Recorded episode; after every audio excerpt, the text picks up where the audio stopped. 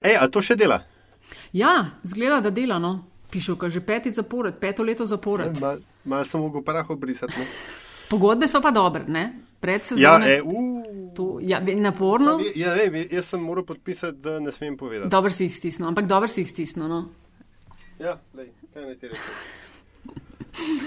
Eni znamo, no, zate pa ne vem, veš, ne vem, ali ta pay gap, gender gap obstaja ali ne. Ne, v Sloveniji ga skoraj ni.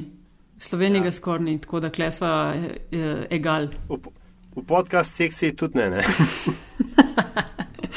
Met in čaj, podcast o medijih, dobrih in slabih praksah, novih tehnologijah in trendih prihodnosti. Uh, Season 5, episode 1. uh, s 0501. Gosti v medijih ja. delajo, z njimi živijo in o njih razmišljajo, z vami sva še vedno. Aljaš Pengov Bitens, Afna Pengovski, Radio Chaos v prostem času, ne? Ja, ja. Moje ime pa je Nataša Briški, Metina Lista. Novo sezono, pred novo sezono um, sva se pogovarjala. Um, ok, najprej mogoče rdeča nit, kaj si želiva, ne?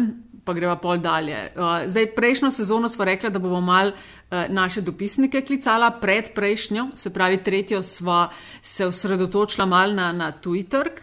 Za to peto sezono smo si pa nekako eh, zamislili, ker prihaja sezona volitev, da bi mogoče pogosteje tudi rekla kaj na to temo. Ne? ja v resnici smo šla po poti poprečnega slovenskega uh, zaposlenega v kreativnih industrijah. Ne, ta prvo sezono uh, nekaj narediš, ta drugo te moje mal radi, pa misliš, da lahko osvojiš svet, ugotoviš, da temu ni tako, na kar se začneš s politiko ukvarjati. E, klele sva zdaj mi, da se pravi, še vedno Aljaš in Nataša, v peti sezoni mal več volitev in pa tretja stvar, tudi uh, vam otegne biti zanimiva. Sprašvala sva občinstvo, vas, ki naj jo poslušate, kaj vas zanima. Uh, da Ja, še to, še, A. še populizem se greva. Evo. Na, lej, Eh. Ja. za ceno Taki ča- taki enega so, dobite nimaš dva. kaj. Ja, ja, ja. Taki časi so. Uh, kaj vas zanima, ne? da, da poskušava dobiti mogoče kakšnega gosta, ki bi imel odgovore in podobno. Ne? Zdaj, kakšni odgovori na vprašanje ali pa na kritike, pa pohvale ali pa uh, tisto, kar vas zanima, uh, se bo dal. Uh, Odgovor z enim stavkom, ene z gosti, pa razmišljala sva tudi, ne, aljaž, da bi neke sorte, pa ne tega dobesedno imati, neke sorte navodila za uporabo medijev delala. Ne? Ja, to je po mojem bolj nekje v drugi polovici sezone, ko se bo tega materijala nekaj nabrali. Ne? Ja, ja, pa ni zdaj Da bova treba, te, ne smemo pa tega vzeti, ne zdaj navodila za uporabo, da mi koliko morate, pa ka- kaj ne, pa pametvati v tem smislu. Ampak, sam, Seveda, točno, zelo- čak, točno, točno to bomo delali. bomo?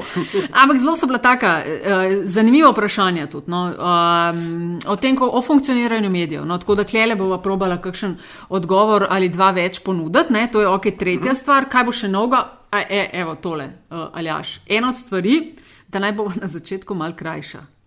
V redu, a gremo kar k našemu prvemu gostu? Uh, čakaj, a že, kar.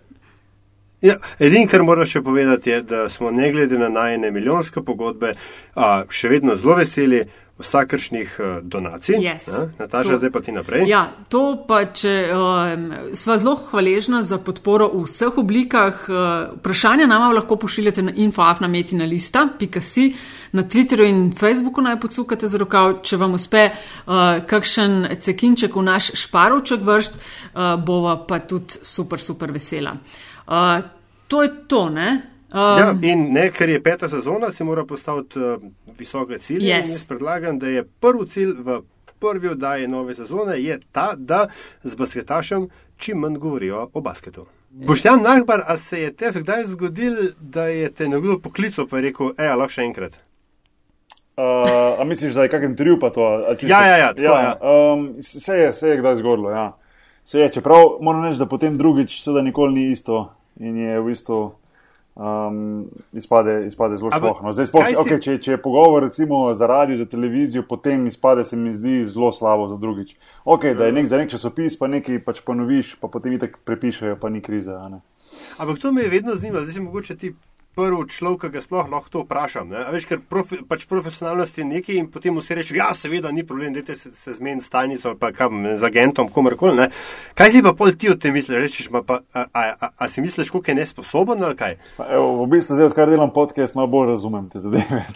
malo bolj, malo bolj uh, popustljiv, pa razumevajoč. Um, tako bomo rekel. No, pa, so, pa kdaj bile, so pa kdaj bile situacije, zdaj, zdaj niti ne toliko, pa prej v karieri, pa ja, recimo, sploh po kakih važnih tekmah, pa pred tekmami, pa tako, ko imaš res vsako minuto si šteješ, da boš izkoristil res za kako pripravo ali pa za kak počitek.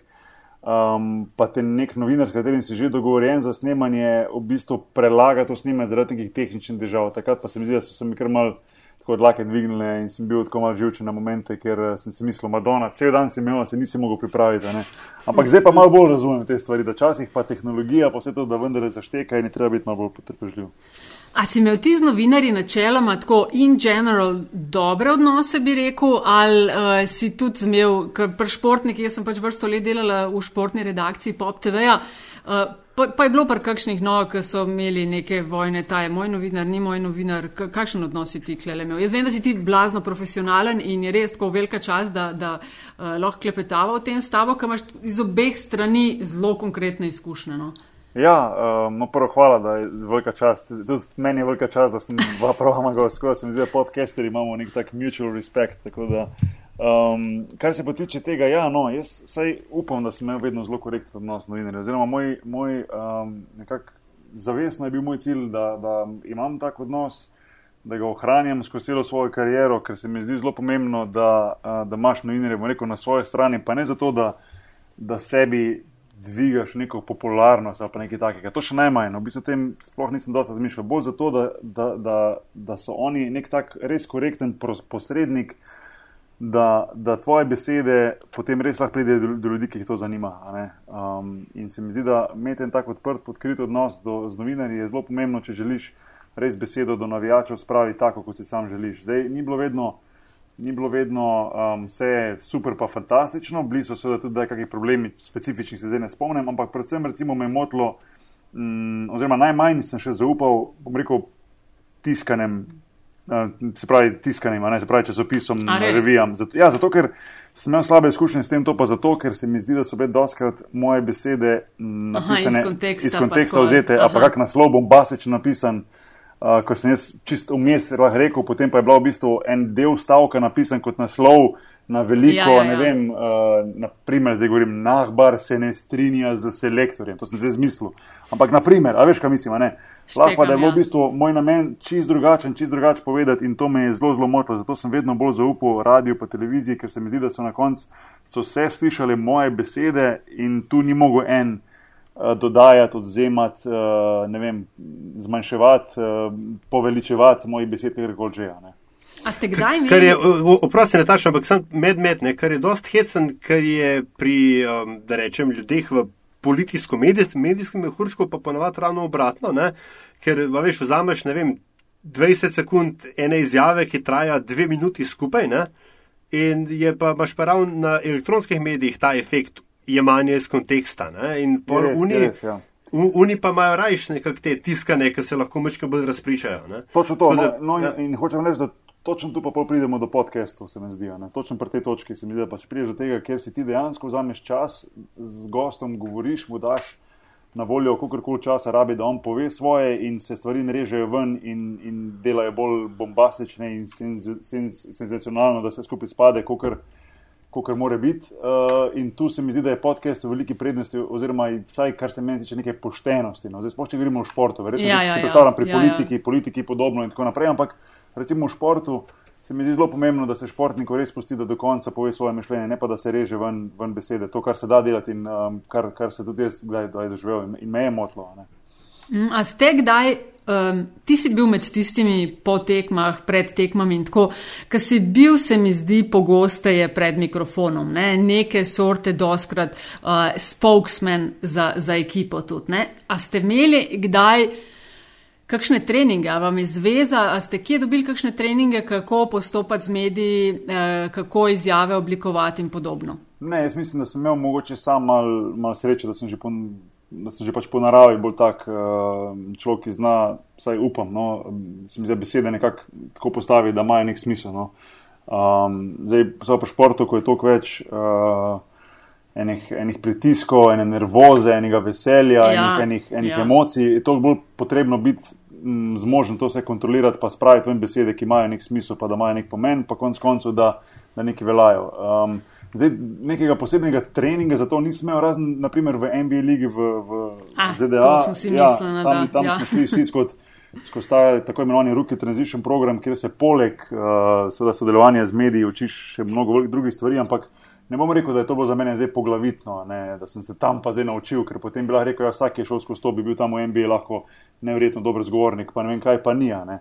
Um, tako da tisto je bil nekako sem nekak plus za mene, da sem mogoče malo bolj spoznal ta ameriški način medijev, kako je treba biti odprt, prijazen uh, in tako naprej, ker je tudi, seveda, tudi v Ameriki to zelo pomembno, ker je pa košarka še toliko bolj medijsko izpostavljena kot, kot pri nas. Ne.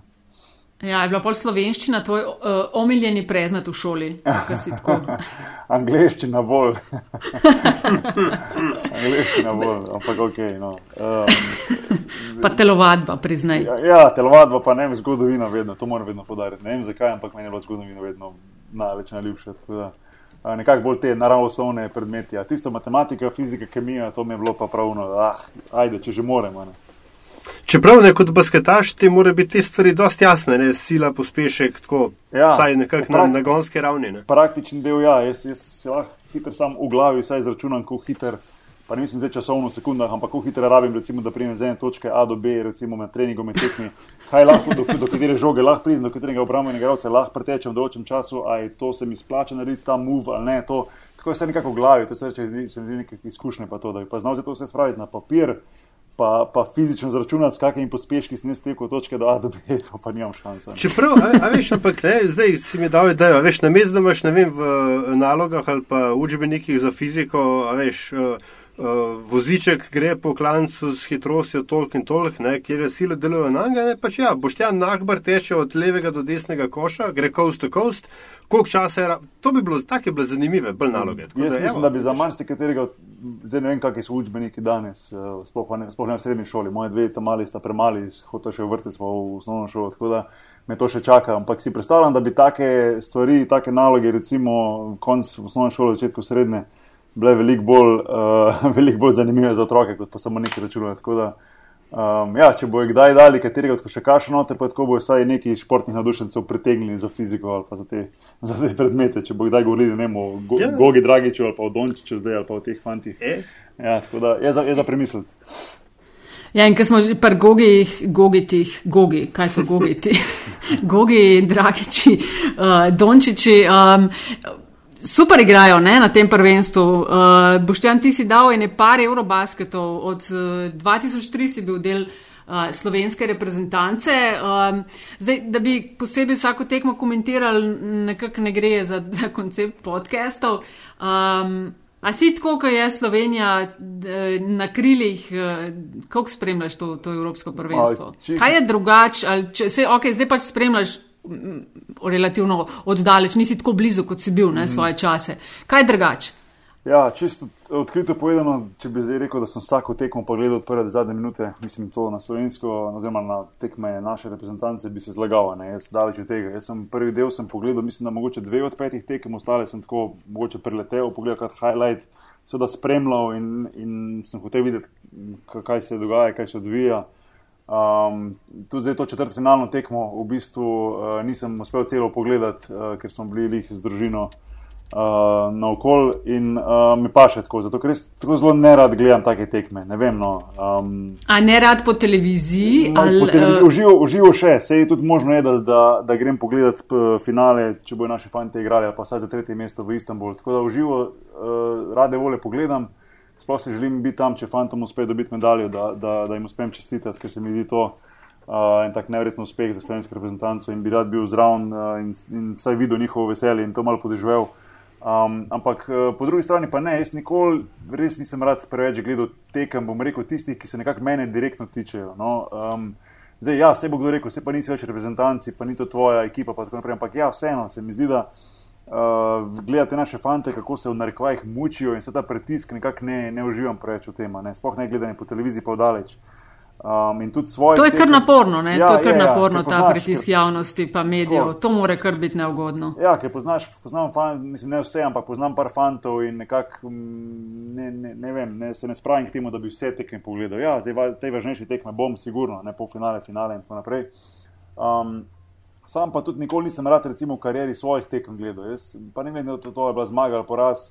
Sem kdaj ujel kak posnetek na televiziji, recimo, da bi pa zdaj šel vem, na net, pa downloadil svojo tekmo, pa je šel gledati, ali pa da bi od trenerjev zahteval uh, videokasete, da bi potem gledal svoje tekme, razen če je bilo to res pomembno zaradi kakršnega koli detajla, jaz to nisem nikoli počel. Ne? In mogoče je to bil en tak minus, eh, da bi mogoče skozi to lahko kot košarkaš, recimo, oziroma kot košarkar, pardon, pravilno slovensko.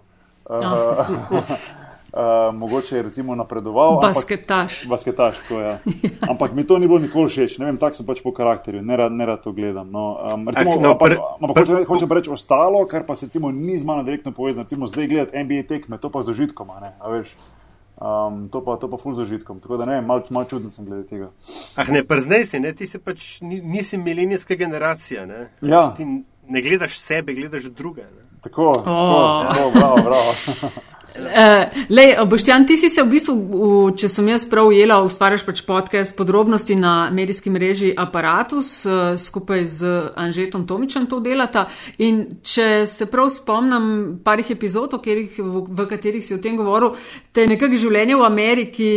Uh, in poplava podcastanja, pa ki se je to v bistvu tam rodil, navdušilo, da bi ti sam se tudi na drugo stran mikrofona postavil. Ne? Ja, to je bil v bistvu, um, se pravi, podcasti so bili nekako tisto, bom rekel, zadnji žebelj v krsti, da sem se polotil nekaj take loti. Jaz sem sicer že, že med kariero nekako vedno bil um, zainteresiran za delo kot recimo komentator tekem ali pa recimo kot. A, to te zanima. To Ja, te recimo zanima, nekaj te bi- smeri, ne, to me vedno, Ok. okay. vedno me zanimalo. In tudi sem z veseljem kdaj recimo odkomentiral kako NBA tekmo na teh naših slovenskih uh, športnih kanalih, pa tako, ko, je- ko sem bil že doma v Sloveniji, uh, pa sem me povabil v studio. Tako je bilo čisti iz enega takega firpca, sem šel to delati in mi je bilo všeč. ne. Um, ampak ja, podcasti so bili pa tiste nekako, bomo rekel, zadnji odločilen korak, da sem se odločil pa nekaj res bolj resno delati, pa, pa se zraven spraviti, ker kot sama veta, konc koncev tudi nekaj časa vzame uh, priprava, snemanje, postprodukcija, Ja. ja. kakorkoli že. ne. Ja. Um, ampak uh, ja, jaz sem se to navdušil v Ameriki. Še najmanj recimo s poslušanjem nekih, nekih košarkarskih podcastov, ampak recimo meni je bil Joe Rogan zelo všeč. Uh, uh -huh. uh, on je bil nekako tudi, postaja za enega od pionirjev teh, teh podcastov. Čak model ima že celo več kot nekih tisoč Ja, epizod, sem ima, zanj ja, čujela. ja, Wow. tako. Ampak on ima, res ta, on ima res ta koncept, da res govori z ljudmi iz, iz praktično vseh ne. In, in to je bila tudi nekako moj, um, moja želja na začetku, da res se pogovarjamo z ljudmi.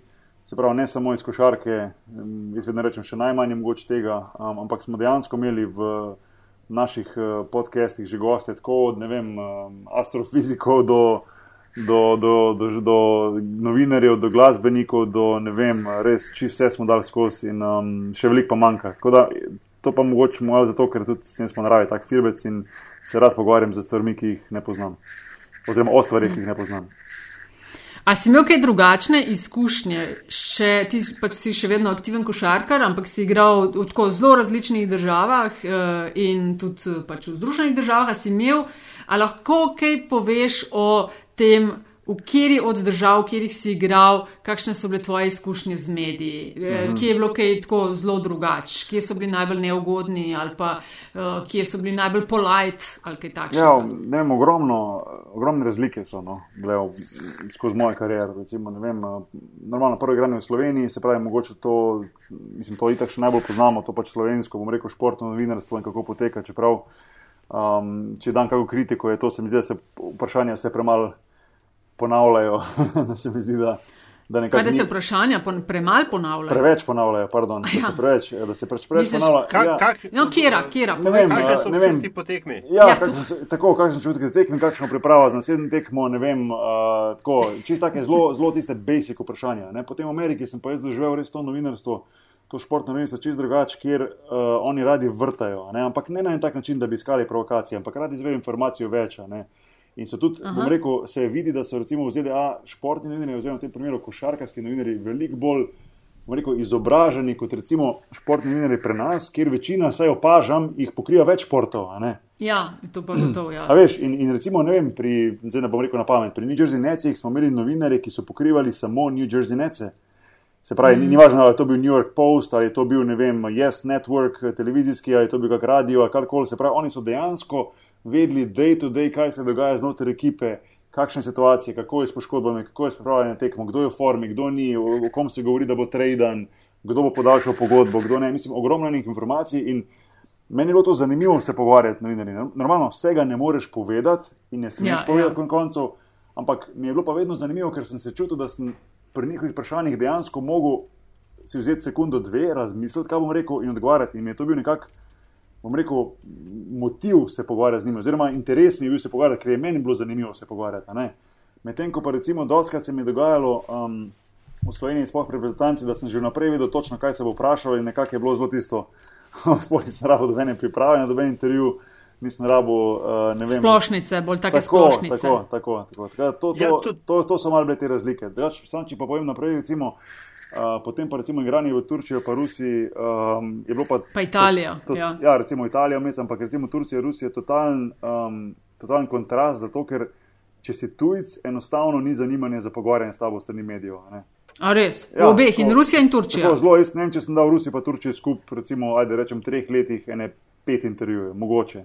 Uh. Medtem ko je bilo recimo v Ameriki po vsaki tekmi, ne vem, pet ali pa deset, tekmi pa ne vem sto na sezono, pa si lahko računate. Ne? Tako da um, nekako ni bilo tega zanimanja, um, seveda tudi zato, ker NBA v Rusiji ne obstaja, tudi v Turčiji ne, ampak vseeno, sta športa, ki imata neko težo, ampak nekega pokrivanja strani novinarjev pa nisem čutil, vsaj ne na način, da bi se pogovarjali z nami.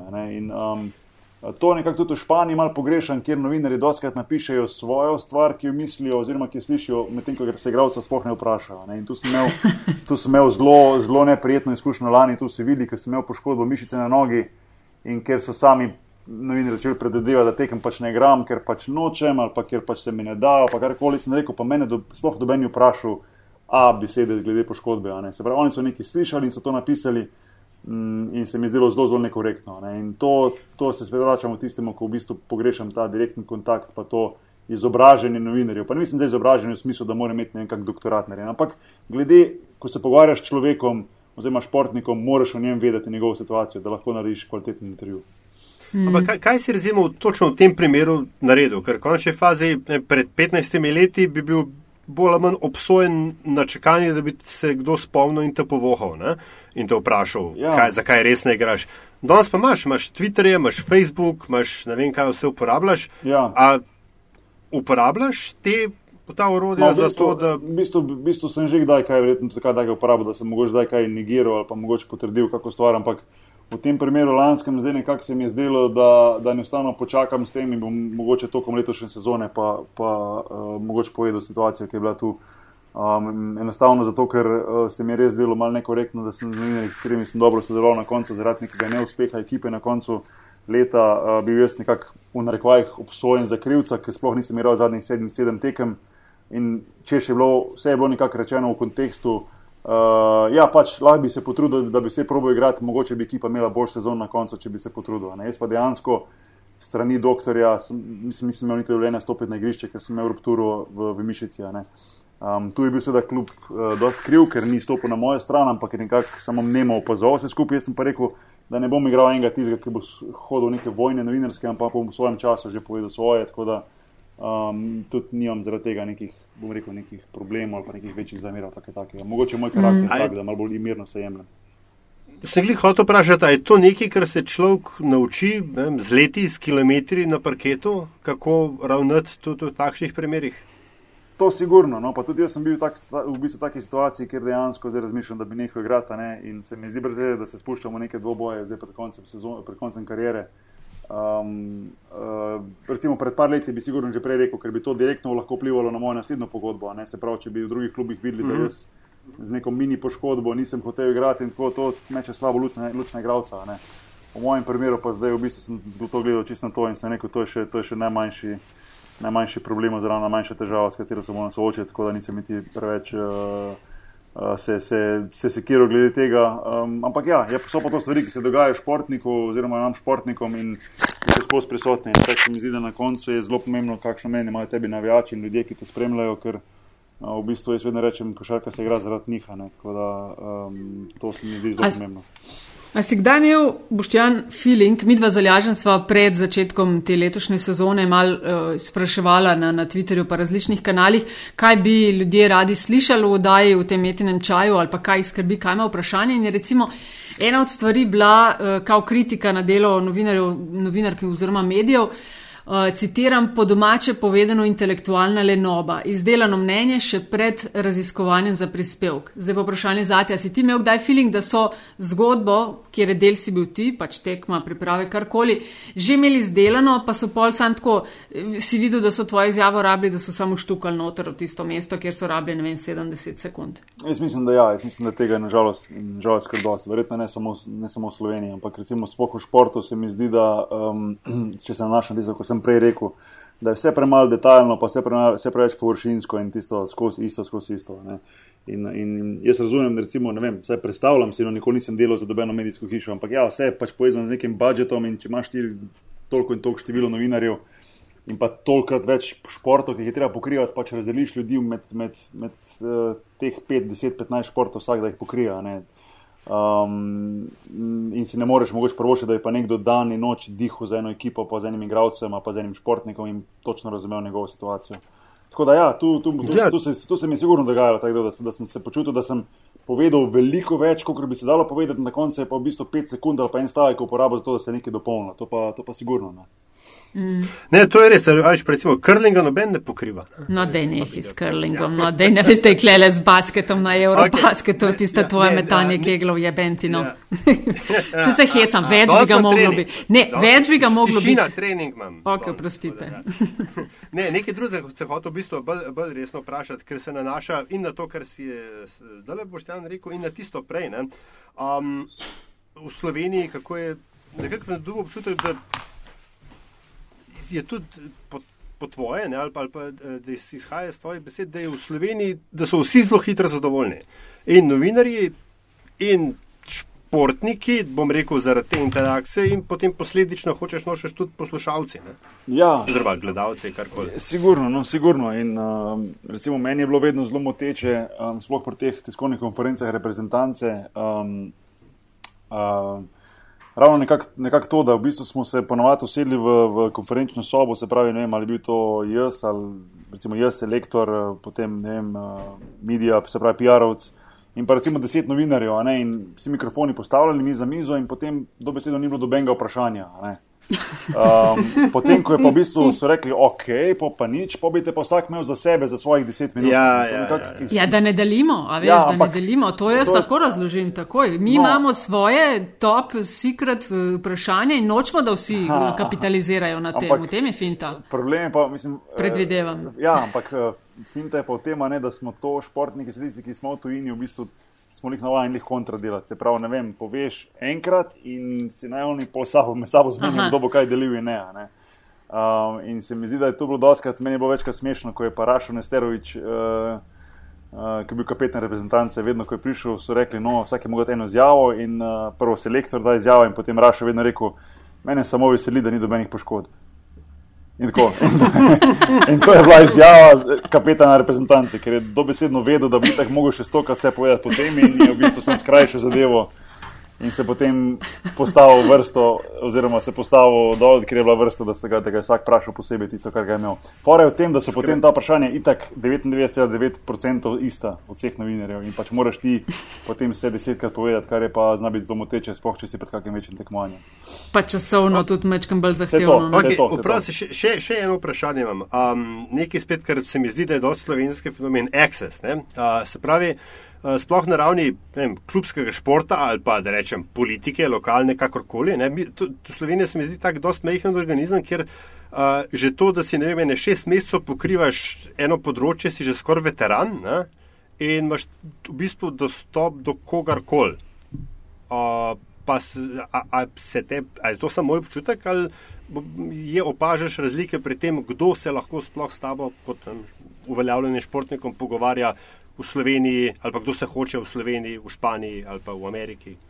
Ja, ne, meni je bilo vedno to zanimivo, recimo, um, da, da v Sloveniji smo imeli nekako, oziroma še vedno imam nekakšen direktno odnos z novinarji. Se pravi, um, um, vsi te direktno lahko pokličejo. Tudi, ko sem bil v reprezentanci, smo šele v zadnjih nekaj letih začeli to spremenjati, da je moglo iti vse preko PR-ovca. Um, mm. Prej je bilo vse uno, ne vem, ti je zazvonil telefon, pa je bil kdo iz ekipe, ali pa kdo iz dela, ali pa kdo iz večera, pa si direktno odgovarjal, kar je nam bilo takrat nekako normalno celo. Ne? Jaz sem potem v tujini to videl, da v bistvu to sploh ne poteka tako in da je treba biti bistvu to iti preko PR-ovca PR kluba, da se ne javi, da se zmeni termin, da se pogovori in da je to čist neka druga zadeva. In smo začeli to tudi uh, v Sloveniji reprezentanci uveljavljati. Um, vse je bilo pa prej drugače, zelo tako na ti in vsak te lahko zmotil, kadarkoli hotel in kadarkoli kaj rabo. Um, in, in se mi zdi, da tak nekako bolj profesionalen odnos mi je vseeno veliko bolj všeč. Um, pa upam, da, da so tudi novinari v bistvu razumeli, da je tak nekako bolj korektno odnos in bolj, bolj profesionalen, nekako boljši za, oba, za obe strani. Ker če pa nisi dal kakšne izjave, pa kakšnega intervjuja, ne, si bil pa že oholjen, kaj si, si pa ta zdaj misli. Ja, ne, ja, ja. ne, to se je dogajalo, to se je dogajalo vsem, fant, vsem fantom meni in, in ostalim okoli mene sem videl, da je kdo ni hotel dajati, je potem bilo že kakšna mala, mala. Kaj je spuščena? Kaj je malo spuščeno, tako mimo, ja, ja, ja. zgrešen med, za slabo tekmo je bilo že tako zadnji. Ne, rekel, lej, ne morem verjeti, pa rekel samo, da ne morem govoriti in čez dva dni je bilo že uno prcane zadnji. In, in to, bilo, to je bilo sploh, recimo tam le, v, zdaj, zdaj verjamem, da ne veš toliko. In tudi v zadnjih letih, ko smo bili reprezentanci, se pravi tam nekje od 20 naprej ni bilo več tega. No, ampak prej se je pa to kar predvsej dogajalo. No, in, Um, jaz nočem zveneti, da, da bi se moral kritizirati, da pač se pogovarjamo na tak način, ker iščemo zdaj te, bom rekel, mogoče malo te stvari, ki so mogoče moteče, ampak na splošno sem jaz imel in še imam zelo korektno odnos z novinarji, ki so vsaj skozi mojo kariero v meni um, zelo velikokrat zelo lepe stvari pisali, tako da sem zelo hvaležen glede tega. No. Ja, hočeš pač treba je optimizirati čas, ne? Tako. Od vseh. Um, ja, pa se ne gre, ne gre samo za to, gre tudi za dobre žurnalistične prakse. Ne? Točno veš, kar, to, ja. Profesionalizem. Ja, pa, ker v politiki imaš iste stvari, veš, eno imaš, ja, ja. po eni strani vsi hoče biti on message, po drugi strani ima pa spet, ne, vsak, kdo nekoga lahko pokliče, pa pa ima zelo gor pa dol, ne? Pričemer te politiki kar sami kličejo, ne? Zelo so male razlike.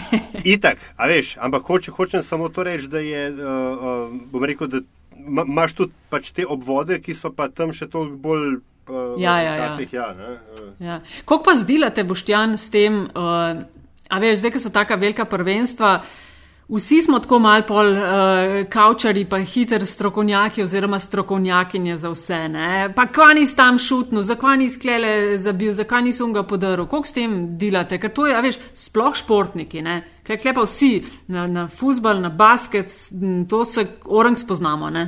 Ja, ma, včasih se mi zdi, da aj zdaj govorim včasih, kot je to bilo leta 1950. Ampak recimo 15 let nazaj, ko sem začenjal z reprezentanco tam okoli 2002, 2003, 2005. Um, takrat je bilo dejansko nekako samo, um, bom rekel, uh, ne vem, samo tistih par časopisov si pogledal, pa dnevnik zvečer, pa si prej kako kritiko, oziroma si, si, si tu videl direktno občutek kaj takega. Ne? Zdaj, ko imaš ta socialna mreža, se mi zdi, da je vsak igralec veliko bolj pod, uh, pod nekim pritiskom, če seveda to on dovoli, kar doskrat seveda se dovoli, ker A veš, uh, social media gre both ways, se pravi, in ko te ja. hvalijo, in ko te ne. Tako da, če hočeš gledati stvari po dobri tekmi, te tudi zamika, da kaj pogledaš po slabi tekmi, in takrat so kritike. Ne? In tu zdaj imaš te Facebooke, Twitterje, Instagrame, sem tja in tu igravci seveda zvejo, oziroma vidijo veliko stvari, Svašta, ja, ja. Ki, ki, ki, če dopustijo, lahko vpliva na njihovo performance. Ne? In to mm -hmm. se mhm. dogaja. Se mi zdi, da se mogoče o tem še celo premalo govori. Jaz vidim, da so igravci, tako kot vsi ljudje danes, oziroma večina ljudi, um, zasvojenih s tem. In tudi uh, športniki nismo imuni na te stvari, da bo pa res do toliko močen, so izjeme, seveda, da bo rekel, le jaz pa ja. ne bom šel en mesec gledati, gor imam to prvenstvo. Ma se to ja. ti lahko izvaja izjaviš za medije, ampak realno je, da ti boš čekiral stvari. Mm, mm. um, jaz recimo um, nikoli nisem odgovarjal na dobene take provokacije, um, nikoli nisem se spuščal v dobene debate. Uh, še večkrat sem se nasmehnil na kaj takega, zato ker sem vedno rekel, da je moj odgovor povedal na igrišču in konca. Um, uh, ta je huda. Ja. Če, kaj, če kaj, recimo, sem to vedno vzel za motivacijo. Mogoče ne toliko kot navijači, meni to recimo navijači, mm, te njihove mnenja o zmagah, o porazih, nisem se nikoli dopustil, da bi me nosili, da bi me, nosili po, da bi me nosilo po, po oblakih, ko so me dobre tekme, pa da bi potrd po slabih. Bolj mi je bilo recimo tisto, kadar so bile izjave kakih uh, igralcev ali pa trenerjev, se pravi ljudi, ki, ki pa jih ti spoštuješ, ne, oziroma spoštuješ, ki pa direktno vplivajo na tebe. No. Um, tisto, tisto je potem malo teže uh, prenesti, sploh če recimo ti tak človek v obraz nekaj ne pove, potem pa prek medijev, pa prek social medija zveš, kaj je tak človek recimo rekel. Um, mhm, to, zna, to, mhm. zna biti, to zna veliko bolj potret kot pa recimo neko mnenje enega, enega kauč selektorja. Um, saj jaz, saj jaz sem tako vedno odreagiral. No. Um, ne vem, drugače pa se mi zdi, da, da je treba danes biti zelo nekako um, razumevajoč, da igravci so pod velikimi pritiski, vedno so bili, ampak moče zdaj še večjimi, vsaj kar se tega tiče in da um, se nekako tudi prek Twitterja, že vem, se sem letos med Evropskim marsikdaj napisal kak tweet, ker vidim, uh, kaj vse se piše, da mogoče mal v narekvaj pomirim te naše kauce lektorje. Um, da, ko recimo pet minut slabo igrajo, to še ne pomeni, da se bo tekma zgubila, da to, če tekmo zgubijo, to pomeni, da bo slab turnir in tako naprej. In isto v kontraefektu se pravi, da se po dobrih igrah, po dobrih zmagah nismo kralji, pa nismo prvaki. Saj za enkrat, če ne. Je to, to slovenski fenomen, da polk dobimo tekmo v smeni finala, da smo pa že skoraj zlati, in uh, po drugi strani, da če ne vem, zgubimo četrt finale, ker, recimo, pač, ker ga zdaj nismo, ne, ker, ker to ja. vemo, da, da je pa to pa šit, da pa dol, da zamenjati vse, vključno z vodstvom zveze. Um, je, to, je to samo slovenski fenomen? Ne, to mislim, da ni, ne, ne, mislim, da ni. Mislim, da to, to po mojem so kakšne Turčije še hujše. Ja, se pravi, to so države, kjer so v bistvu uh, kjer tega veliko, veliko, veliko več. No. Um, ja, ja. Recimo, prej smo malo nežni, no, se, pri nas. Tako, prej recimo sem zanimivo omenil, da, da um, koliko je bilo mal, mal intervjujev, recimo, z, z, recimo, ko sem bil v Turčiji z mano, koliko je bilo mal interesa v bistvu. No. Pa sem igral recimo za FS Pilsen, ki je takrat in še zdaj velja za enega najboljših turških klubov in tako naprej. Um, ampak uh, recimo na social medijih, jaz sem takrat začel uporabljati Twitter, ko sem bil tam, je pa v bistvu bilo eksplozija, koliko je bilo enih turških followerjev, recimo, ne Twitterju. Recimo, ne. V primerjavi s Slovenci tako, tako razmerje 95-5%, a veš, kaj mislim, tako velikar. Ja, ja, ja, a veš. Tako da, tako da tam doživiš pol tisto, recimo, koliko morajo eni turški športniki biti, um, oziroma košarkarji. Pod pritiskom, ja, ja, pod pritiskom ja, ja. in koliko po drugi strani, recimo, ko jim kaj rata, ne koliko je tu več ene, bom rekel social media. Kakšni bogovi so, ne ja, ja, tako, ja, ja, ja, ja. To, je, to je krat tisoč primerjavi Slovenijo, ne? res dobesedno. No? Sploh recimo v Istanbulu, ker je 10-12 milijonsko mesto.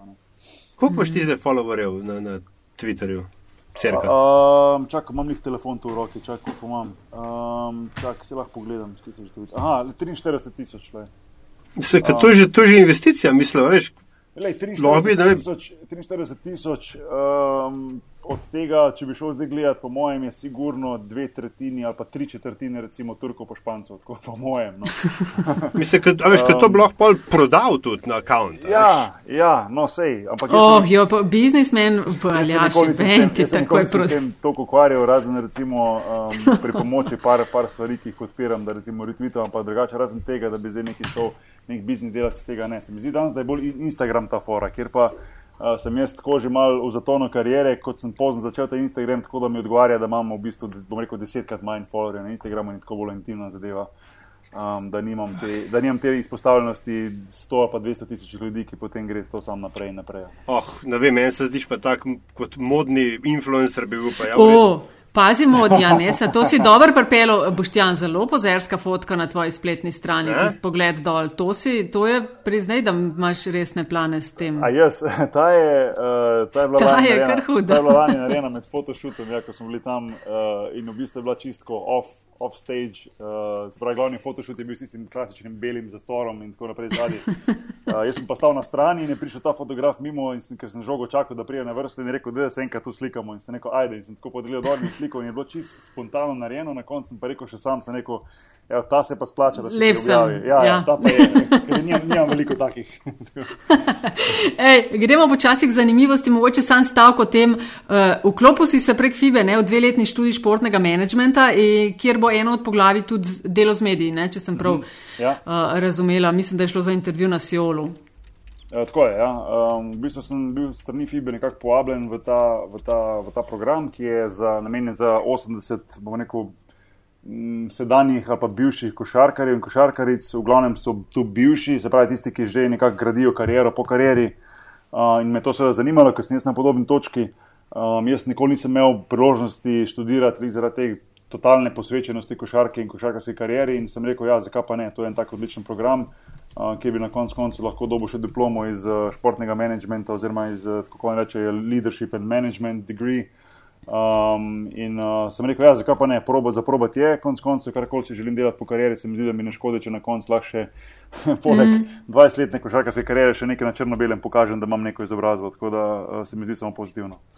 Mm. Je, je, pa resno, je pa res, da je delo z mediji tudi vključeno v tem, ker je predvsem gre za nekakšen športni management, kjer je seveda mediji so, so eno od poglavitnih uh, področji zraven, ki spadajo zraven in seveda moraš znati delati z mediji, uh, če želiš kakorkoli dobro voditi organizacijo, uh, športno v tem primeru.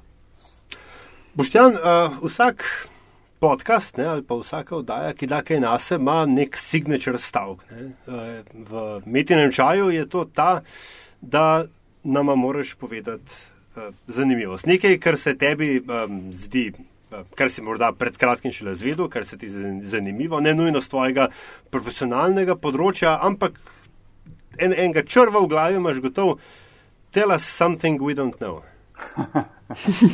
Uf, um, v bistvu je, v bistvu je ta kar težka, no? uh, zato jaz veliko stvari vem.